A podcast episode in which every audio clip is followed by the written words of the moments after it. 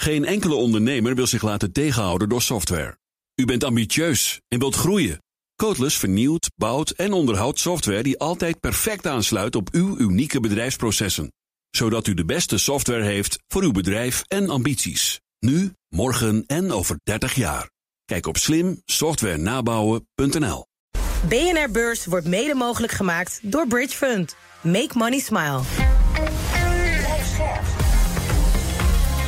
BNR Nieuwsradio. BNR Beurs. Wesley Weerts en Jochem Visser. Je luistert naar een nieuwe BNR Beurs. Het is maandag 19 juni, de dag waarop de Amerikaanse beurs gesloten is. En het is de dag waarop niet Jelle, maar Jochem naast me staat. Hallo Jochem. Goedenavond Wesley. Ik heb nog steeds dezelfde oproep als Jelle. Stuur je vragen naar bnrbeurs.bnr.nl. Dan kunnen we je vragen stellen aan onze gast in onze speciale vrijdag-uitzending. En ja, ik weet het, vrijdag klinkt nog ver weg, maar voor je het weet is het alweer weekend. Oh, heerlijk weekend. Maar terug naar vandaag. De AX sloot een half procent lager, net onder de 769 punten. Grootste daler is DSM Firmenich, daar gaat bijna 4 procent vanaf. En hoewel er in Amerika niet gehandeld wordt, is er een hoop nieuws. En dat bespreken we met Corné van Zel van Cardano. Zometeen hebben we het over de subsidieslurpende fabriek van Intel. Hij komt er, hij is veel duurder, maar hij moet ervoor zorgen dat Europa weer kan opboksen tegen Amerika en China als het gaat om chips. Nou, of we dat geld ooit terugzien of dat het een waardeloze investering is, dat bespreken we zo. Maar wat zag jij verder nog, Jochem? Nou, moet je dit eens horen. Wat dan? Nee, hier komt hij.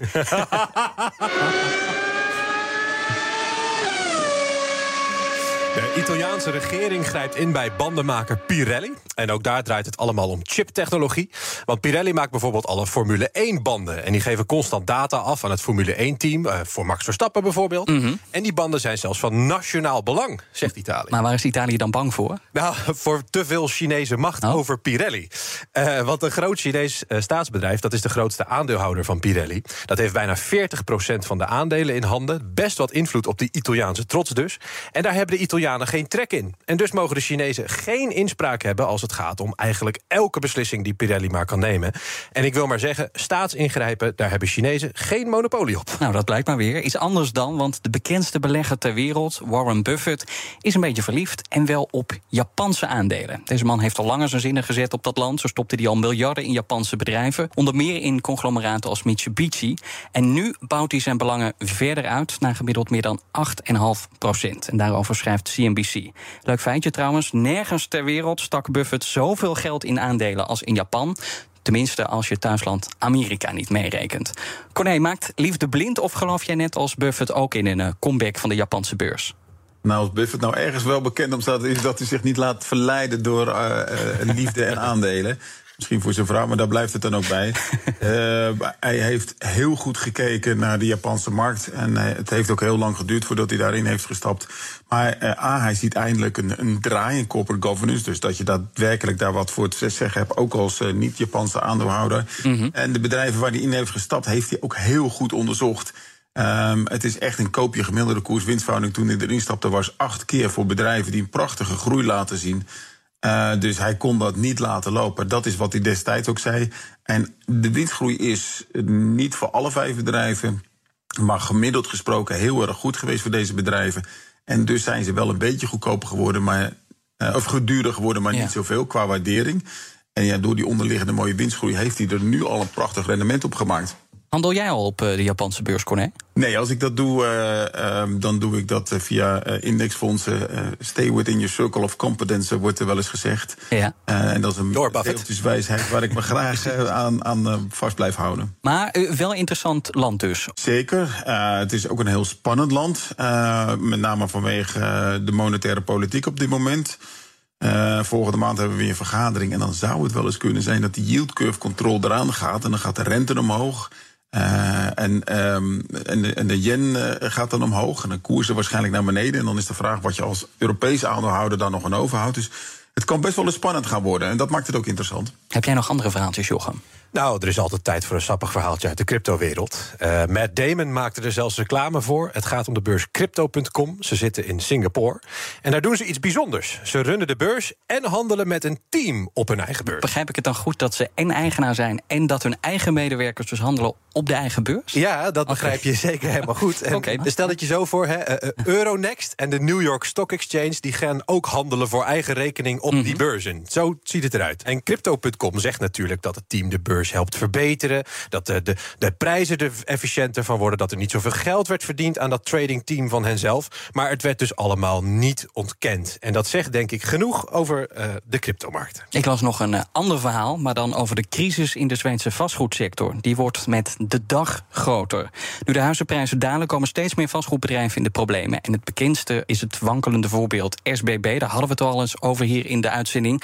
Dat bedrijf dat bezit onder meer veel uh, overheidsgebouwen. Ja, en, en nou zitten weer een vastgoedreus in de penarie. Ja, zeg dat wel. Namelijk het Zweedse Fast Partner. Aandeel gaat ruim 8% omlaag vandaag. En dat heeft allemaal te maken met Moody's. Want dat verlaagt de kredietstatus naar junk. Kijken we hier naar een geïsoleerd probleem, Corné? Of hebben de problemen in Zweden de potentie om ook over te slaan naar andere Europese landen? Gedeeltelijk wel en gedeeltelijk niet. Wat er wel overeenkomt is dat ze allemaal last hebben van een hogere rente en, en wat leegstand. Daarom doet onroerend goed het ook zo dramatisch slecht. Af en toe leeft het een beetje op. Maar over het algemeen heb je daar echt weg moeten blijven. Uh, met name Europees vastgoed, maar eigenlijk ook Verenigde Staten. Mm -hmm. kampen allemaal met hetzelfde probleem. In Zweden heb je een heel specifiek probleem uh, dat de meeste hypotheken een hele korte uh, looptijd, korte vaste renteperiode hebben. Oftewel, het is allemaal variabel. En als dan de centrale bank de rente zo verhoogt zoals ze dat doen... Uh, ja, dan gaan die uh, hypotheeklasten keihard omhoog. En dan zijn die huizen uh, gelijk niet meer te betalen. Nee, maar dat hebben we. Bijvoorbeeld dat, ook nu in de UK. Ja, precies. Want dat hebben we hier in Nederland niet. Maar dat hebben we inderdaad in het Verenigd Koninkrijk wel. Misschien andere landen ook. Dreigt daar dan eenzelfde soort crisis? Ja, bij die landen, ja, simpelweg hoe meer schuld je hebt. En uh, Zweden staat hoog qua schuld en heel erg hoog qua variabele hypotheekleningen, ja, dan is de kans op een crisis het groot. En daarom zie je dat de, de, de huizenprijzen in, in Zweden ook keihard aan het kelderen zijn. Ja, en als je daar heel veel van hebt, of uh, in het geval van SBB ook heel veel dienstverlening daarvan hebt, dan zit je gewoon simpelweg in de problemen. Want ze zitten best wel veel met, schulden. Even 7 miljard uh, euro schuld versus 12 miljard totale portefeuille. Ja, dat, dat is gewoon te veel. En daarom zit SBB in de problemen. Fastpartner heeft een wat bredere portefeuille. Die zit eigenlijk in, in van alles en nog wat, als het maar onroerend goed is. Maar ook daar kenmerkt het ook door te veel schulden en, uh, en voor hun ook vrij uh, veel variabele leningen. Het waardevolste bedrijf van Engeland is bang voor de Chinese overheid. Daarom heeft het een list bedacht om zichzelf en de aandeelhouders te beschermen. Over welk bedrijf ik het heb en of jij mogelijk geraakt wordt, dat hoor je zo. Maar eerst wat anders, want na maanden van onderhandelen zijn ze eruit. Duitsland krijgt een megachipfabriek. En Intel mag deze bouwen. En aan die fabriek hangt trouwens ook een megaprijskaartje... want er gaat 10 miljard euro aan subsidie naartoe. En dat is veel meer dan eerder de bedoeling was. Waarom heeft Duitsland er zoveel geld voor over, Corné? Omdat ze het heel graag willen hebben. En als je iets heel graag wil hebben, dan moet je ook de hoofdprijs betalen. En die hoofdprijs is dus 10 miljard. De totale investering is 33 miljard. Dus wat dat betreft is dat een flink gedeelte wat door de uh, Duitse overheid uh, betaald wordt. Maar dezelfde ontwikkeling zie je eigenlijk in heel veel landen. In, in Israël uh, wordt een fabriek van 25 miljard neergezet. In Polen ja. eentje van 5 miljard. Ook Ierland nog. Dus Intel is enorm aan het bouwen. Want iedereen heeft beseft dat ze niet meer afhankelijk willen zijn van China. In eerste instantie kwam dat door de coronacrisis. Toen merkten ze van ja, we willen daar chips vandaan halen, maar die komen helemaal niet. En in tweede instantie door de geopolitieke spanningen natuurlijk. Je wil niet dat China uh, gewoon de boel kan stoppen en jij niet meer kan doorgaan met je bedrijf. Maar Corné, gaan we die miljarden aan subsidies wel terugverdienen? Of is het vooral prestige van kijk, wij, Europa, wij doen er ook toe? Ik denk een gedeeltelijk prestige, dat ongetwijfeld. Eh, Zo'n 10 miljard wordt, wordt daar ook een beetje voor betaald. Maar het is ook strategisch, uh, omdat je simpelweg weet dat je daar heel erg van afhankelijk bent. En, en dat wil je niet. Ja, en, dus, en ja, het is wel een probleem dat strategische investeringen meestal uh, dramatisch zijn qua rendement. Dus ik ben bang dat als je gaat kijken, nou die 10 miljard, levert dat nou genoeg banen en, en, en verdere economische groei op? Dan heb ik daar een beetje twijfels bij. Uh, maar, en dat is eigenlijk de standaardregel die je kan doen. Hoe vaker er nou het woord stra strategie genoemd wordt, hoe meer je moet oppassen en hoe slechter het rendement. Nou ja, strategisch, dramatisch rendement enzovoort enzovoort. Dan betaal je al 10 miljard aan subsidie erbij. Hoe belangrijk is het dan eigenlijk om het daar te hebben staan? Nou ja, het, is heel erg belangrijk als jij niet van andere landen afhankelijk bent. En de, de huidige geopolitieke spanningen geven aan dat dat echt wel een, een, risico is. Dus het is niet alleen een kwestie dus van rendement, maar ook van een reductie van risico. Corné, kunnen we die dingen ooit zonder subsidie laten draaien? Als iedereen het doet, dan wordt het heel erg moeilijk om dat niet zo te doen. En in Amerika zie je hetzelfde, in Japan zie je hetzelfde. Iedere regio wil zijn eigen uh, chipsector uh, neerzetten. Overigens is dit natuurlijk wel een prachtig voorbeeld van uh, een, een varkenscyclus. Als iedereen gaat investeren in productiecapaciteit dan weet je dat er ondanks de enorme toename van de vraag straks heel veel productiecapaciteit is. En waarschijnlijk veel te veel om een beetje serieus winst te maken. Het doel is voor Europa in 2030 zo'n 20% van alle chips hier te maken. Maar hoe haalbaar is dat doel? Om de reden die je net ook al noemde. Iedereen duikt op al die chipbedrijven. Nou ja, als je maar genoeg investeert en maar genoeg bouwt... dan, dan kom je vanzelf wel naar die 20%. Dus die 20% dat is maar een productiedoel. Overigens is er natuurlijk één lachende derde. Want al die fabrieken moeten natuurlijk wel gevuld worden met machines. En dan kom je toch heel gauw in Veldhoven terecht, bij ASML. Die chipfabriek die Intel nu dus maakt, hoeveel rolt daar straks uit die fabriek? Om hoeveel chips gaat dat? Slaat dat een duik in een pakje boter? Weet ik niet precies. Ik weet wel, uh, ik, ik, noemde net die bedragen op. Ze hebben al 70 miljard in de afgelopen paar maanden uh, aangekondigd qua investeringen. Dus dat zijn echt enorme bedragen. Even ter vergelijking, eh, de beurswaarde van Intel is 150 miljard. Mhm. En dan hebben we het alleen maar over Israël en Europa. En dan hebben we het nog niet over Japan, Zuidoost-Azië en de Verenigde Staten. Waar dergelijke bedragen ook worden neergelegd. Nou ja, Intel is wereldwijd ook flink aan het investeren. Er gaan miljarden naar fabriek in Polen, zoals je zegt, Israël enzovoort. Is Intel op subsidiejacht, Corné? Want er is ook wel iets in te halen voor dat bedrijf. Hè? De chips zijn wat minder geavanceerd dan die van TSMC enzovoort. Ja, inderdaad. Nee, uh, Intel is, was vroeger by far de grootste uh, producent van chips.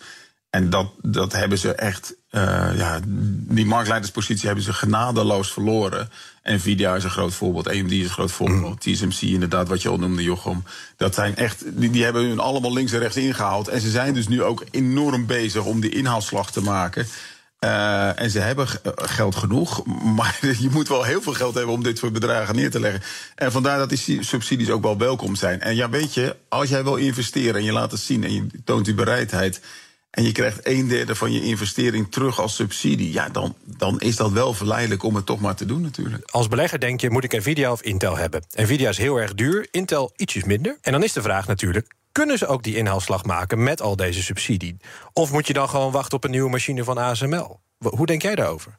Nou, het is vooral het ontwerp uh, waar ze natuurlijk uh, uh, het, het meeste op te winnen hebben. Dat is waarom Nvidia het zo goed heeft gedaan. Um, en in dat licht moet je ook zien, ze hebben vorige week ook nog eens een keer 10 miljard aan uh, investering, of ja. 8 tot 10 miljard investering in uh, ARM. Uh, dat is de ontwikkelaar van die chips. Mm. En ik denk, als je marktleiderspositie wil terugwinnen, dan zal het vooral met de ontwikkeling van die chips moeten zijn.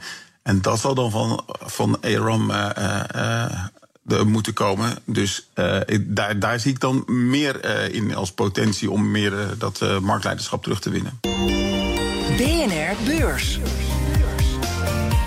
Dan naar AstraZeneca, dat overweegt een drastische ingreep. De Britse farmareus wil namelijk zijn Chinese tak afsplitsen... en daarna de beurs brengen, in China dus. En dat allemaal omdat het geen speelbal wil worden... in de strijd tussen Amerika en China. Corné, waar is AstraZeneca nou eigenlijk bang voor? Nou, de meeste van de medicijnen worden gemaakt in China... en de grootste afname eh, is in de Verenigde Staten. En zij zijn een, een Zweeds-Brits uh, bedrijf. Dus mhm. wat dat betreft zitten ze dan in de, in de verkeerde hoek. Uh, dus het is vooral een kwestie van uh, risicoreductie. Als je dus een aparte onderneming al hebt staan. Uh, en dat zou dan een gedeeltelijke beursnotering in Hongkong waarschijnlijk zijn. Ja. dan heb je daar, ja, ben je al een beetje ja, vooruitgelopen op de mogelijke spanningen die er zou kunnen zijn. Maar dan gaat het bijvoorbeeld om het risico dat ze op een zwarte lijst terechtkomen. Ja, of dat, eh, dat ze uh, tegen hun dochterondernemingen wordt gezegd: jullie mogen niet meer leveren aan, aan de Verenigde Staten. Ja. Uh, en dus is het nu veel meer local voor local. Hè? Net iets wat je met Pirelli ook al hebt gezien. De, daar wordt wel op ingespeeld om dat een beetje voor te zijn. Ze zien die risico's toenemen. En, en daarom zijn ze dit ook van plan. En 15% van hun omzet komt ook uit China. Um, dus wat dat betreft is het, is het ook groot genoeg om daarin uh, onder te brengen. Maar hoe maakt zo'n Chinese vestiging je dan veiliger?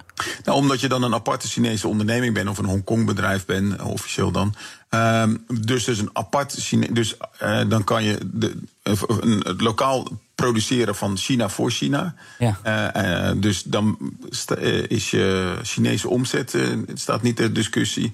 En dan zou je nog wel veel meer farmaceutische fabrieken in de Verenigde Staten moeten neerzetten, zodat je ook daar local voor local kan produceren. Ja, maar heb je en van de Chinese overheid niet net zoveel te vrezen als van de Amerikaanse? Oh, natuurlijk wel. Uh, met name bij pharma. Uh, pharma is ook net zo'n uh, essentiële sector als chips, die we net hebben besproken. En ook daar zegt iedereen van we willen allemaal onze eigen farma-industrie. Dus dat zal ook wel gaan gebeuren. Maar op het moment dat jij dus een Chinees bedrijf hebt die voor de Chinese markt met Chinese productie produceert, ben je daar een beetje van afgeschermd, omdat het een, een Chinees bedrijf is. En dan heb je natuurlijk ja, de Chinese regering kan rare dingen doen. Daar heb je altijd wel last van. Ja. Maar dan heb je in ieder geval geen last dat de Verenigde Staten zegt van ja, jullie mogen niet meer leveren omdat jullie te veel in China hebben of whatever. Dus als je nu aandelen AstraZeneca hebt en zij zouden de boel opsplitsen, dan heb je eigenlijk niks te maken met die Chinese tak. Dus als de pleuris uitbreekt, dan zit je safe in je, uh, ja, in, in je Astra, met je AstraZeneca aandelen. Dan zit je waarschijnlijk safe met je AstraZeneca uh, Europese aandelen. Ja. En, uh, en dan heb je dus ook gelijk een belang in AstraZeneca China. Want jij, jij bent nog alsnog eigenaar van beide bedrijven. Nou ja, dan zijn er dus twee AstraZeneca's. Uh, de Chinese en de Europese, zoals jij zegt. Waarom zou je eigenlijk investeren in de Chinese tak van AstraZeneca? Nou, omdat uh, in Amerika heb je, daar zijn ze heel groot... en heb je een enorme groei gezien. Uh, nou ja, iedereen die maar wat weet over... Uh, de, Chinese, of de, de Amerikaanse kosten voor gezondheidszorg. Weet dat ze echt uit de pan zijn uh, gevlogen. Ja. En China is wat dat betreft een enorme groeimarkt. En je hebt een sterk verouderde bevolking. En dat gaat nu heel erg hard. Vrij veel luchtvervuiling, vrij veel mensen die roken. Dus allemaal indicaties dat het allemaal oudere mensen worden die ook waarschijnlijk nog eens relatief veel ziek zijn. Dus wat dat betreft, ja, het klinkt cru, maar is het wel een, een hele mooie groeimarkt die AstraZeneca niet zal willen laten lopen. En ja, en bovendien hebben ze daar uh, het meeste van hun, of een, groot gedeelte van hun uh, productie staan. Ja, ik vergelijk investeren in China ook vaak met uh, een stuk vlees kopen met ervoor een tijger aan een ketting. Uh, want je maakt jezelf afhankelijk van de grillen van de Chinese overheid. En als de Chinese staat zegt dat zijn eigen kopie beter is, dan hang je alsnog. Moet je daar, heb je dan als aandeelhouder wel iets te zeggen over die gigantische groeimarkt die jij nu voorstelt voor AstraZeneca? Nou ja, kijk, het is nu al de bestaande situatie. Uh, 15% van hun omzet is daar al. Uh, en dan kan je zeggen, ja. nou, we willen niks meer met China te maken hebben. Dat kan je doen. Uh, dan, dan schrijf je het af. Ik denk dat aandeelhouders daar zeker niet blij mee zullen zijn. dus, en, en daarom willen ze, denk ik, juist. Uh, in ieder geval erover, het is allemaal nog niet zeker. Maar willen ze, zitten eraan te denken om die Chinese notering te hebben. Omdat je dan veel meer als Chinees bedrijf gezien wordt. En dus veel ja, toch wel iets minder uh, uh, gevoelig voor uh, ja, politieke repercussies die je zou als bedrijf opgelegd zou kunnen hebben. Nou is AstraZeneca niet het enige bedrijf dat overweegt om zijn Chinese activiteiten in een apart bedrijf onder te brengen. Steeds meer multinationals zouden deze optie overwegen, schrijft de Financial Times. Welke bedrijven overwegen hetzelfde of hebben al iets soortgelijks gedaan, Corné? Nou, ik heb ze. Ik heb er eigenlijk nog niet kunnen ontdekken. Maar ik kan bijna zeker zeggen dat als jij een grote Chinese tak hebt, dat je er echt wel over na moet gaan denken of over na gaat denken. Uh, om dat af te splitsen. Kijk, Volkswagen is bijvoorbeeld heel erg afhankelijk. Daar zie ik het nog niet zo snel gebeuren. Maar ik kan me voorstellen bij bedrijven waar het dus echt heel. Ja, waar je dat wat makkelijker kan splitsen. Uh, dat je daar dus echt wel gaat overwegen. Nou, misschien is dat wel een idee. Ja. En uh, ja, zo zie je dat die trend van uh, deglobalisatie steeds verder gaat. AstraZeneca is dus trendsetter. Hoe zeker, tot slot even kort nog, is het dat AstraZeneca uiteindelijk de boel gaat opsplitsen in een Europees en in een Chinees deel? Nou, ik denk dat ze alle uh, ja, dingen alvast even klaarzetten. Uh, en dat mochten geopolitieke spanningen nog verder toenemen, dat ze uiteindelijk eieren voor hun geld kiezen en daadwerkelijk doen. Overigens de plannen zijn ook dat het een deel van, uh, van het Chinese bedrijf is. Uh, dus niet alle aandelen. Dus dan zou de moedermaatschappij alsnog een, een groot deel erin houden. Maar blijft het wel een apart Chinees bedrijf. En ik denk dat dat het belangrijkste is.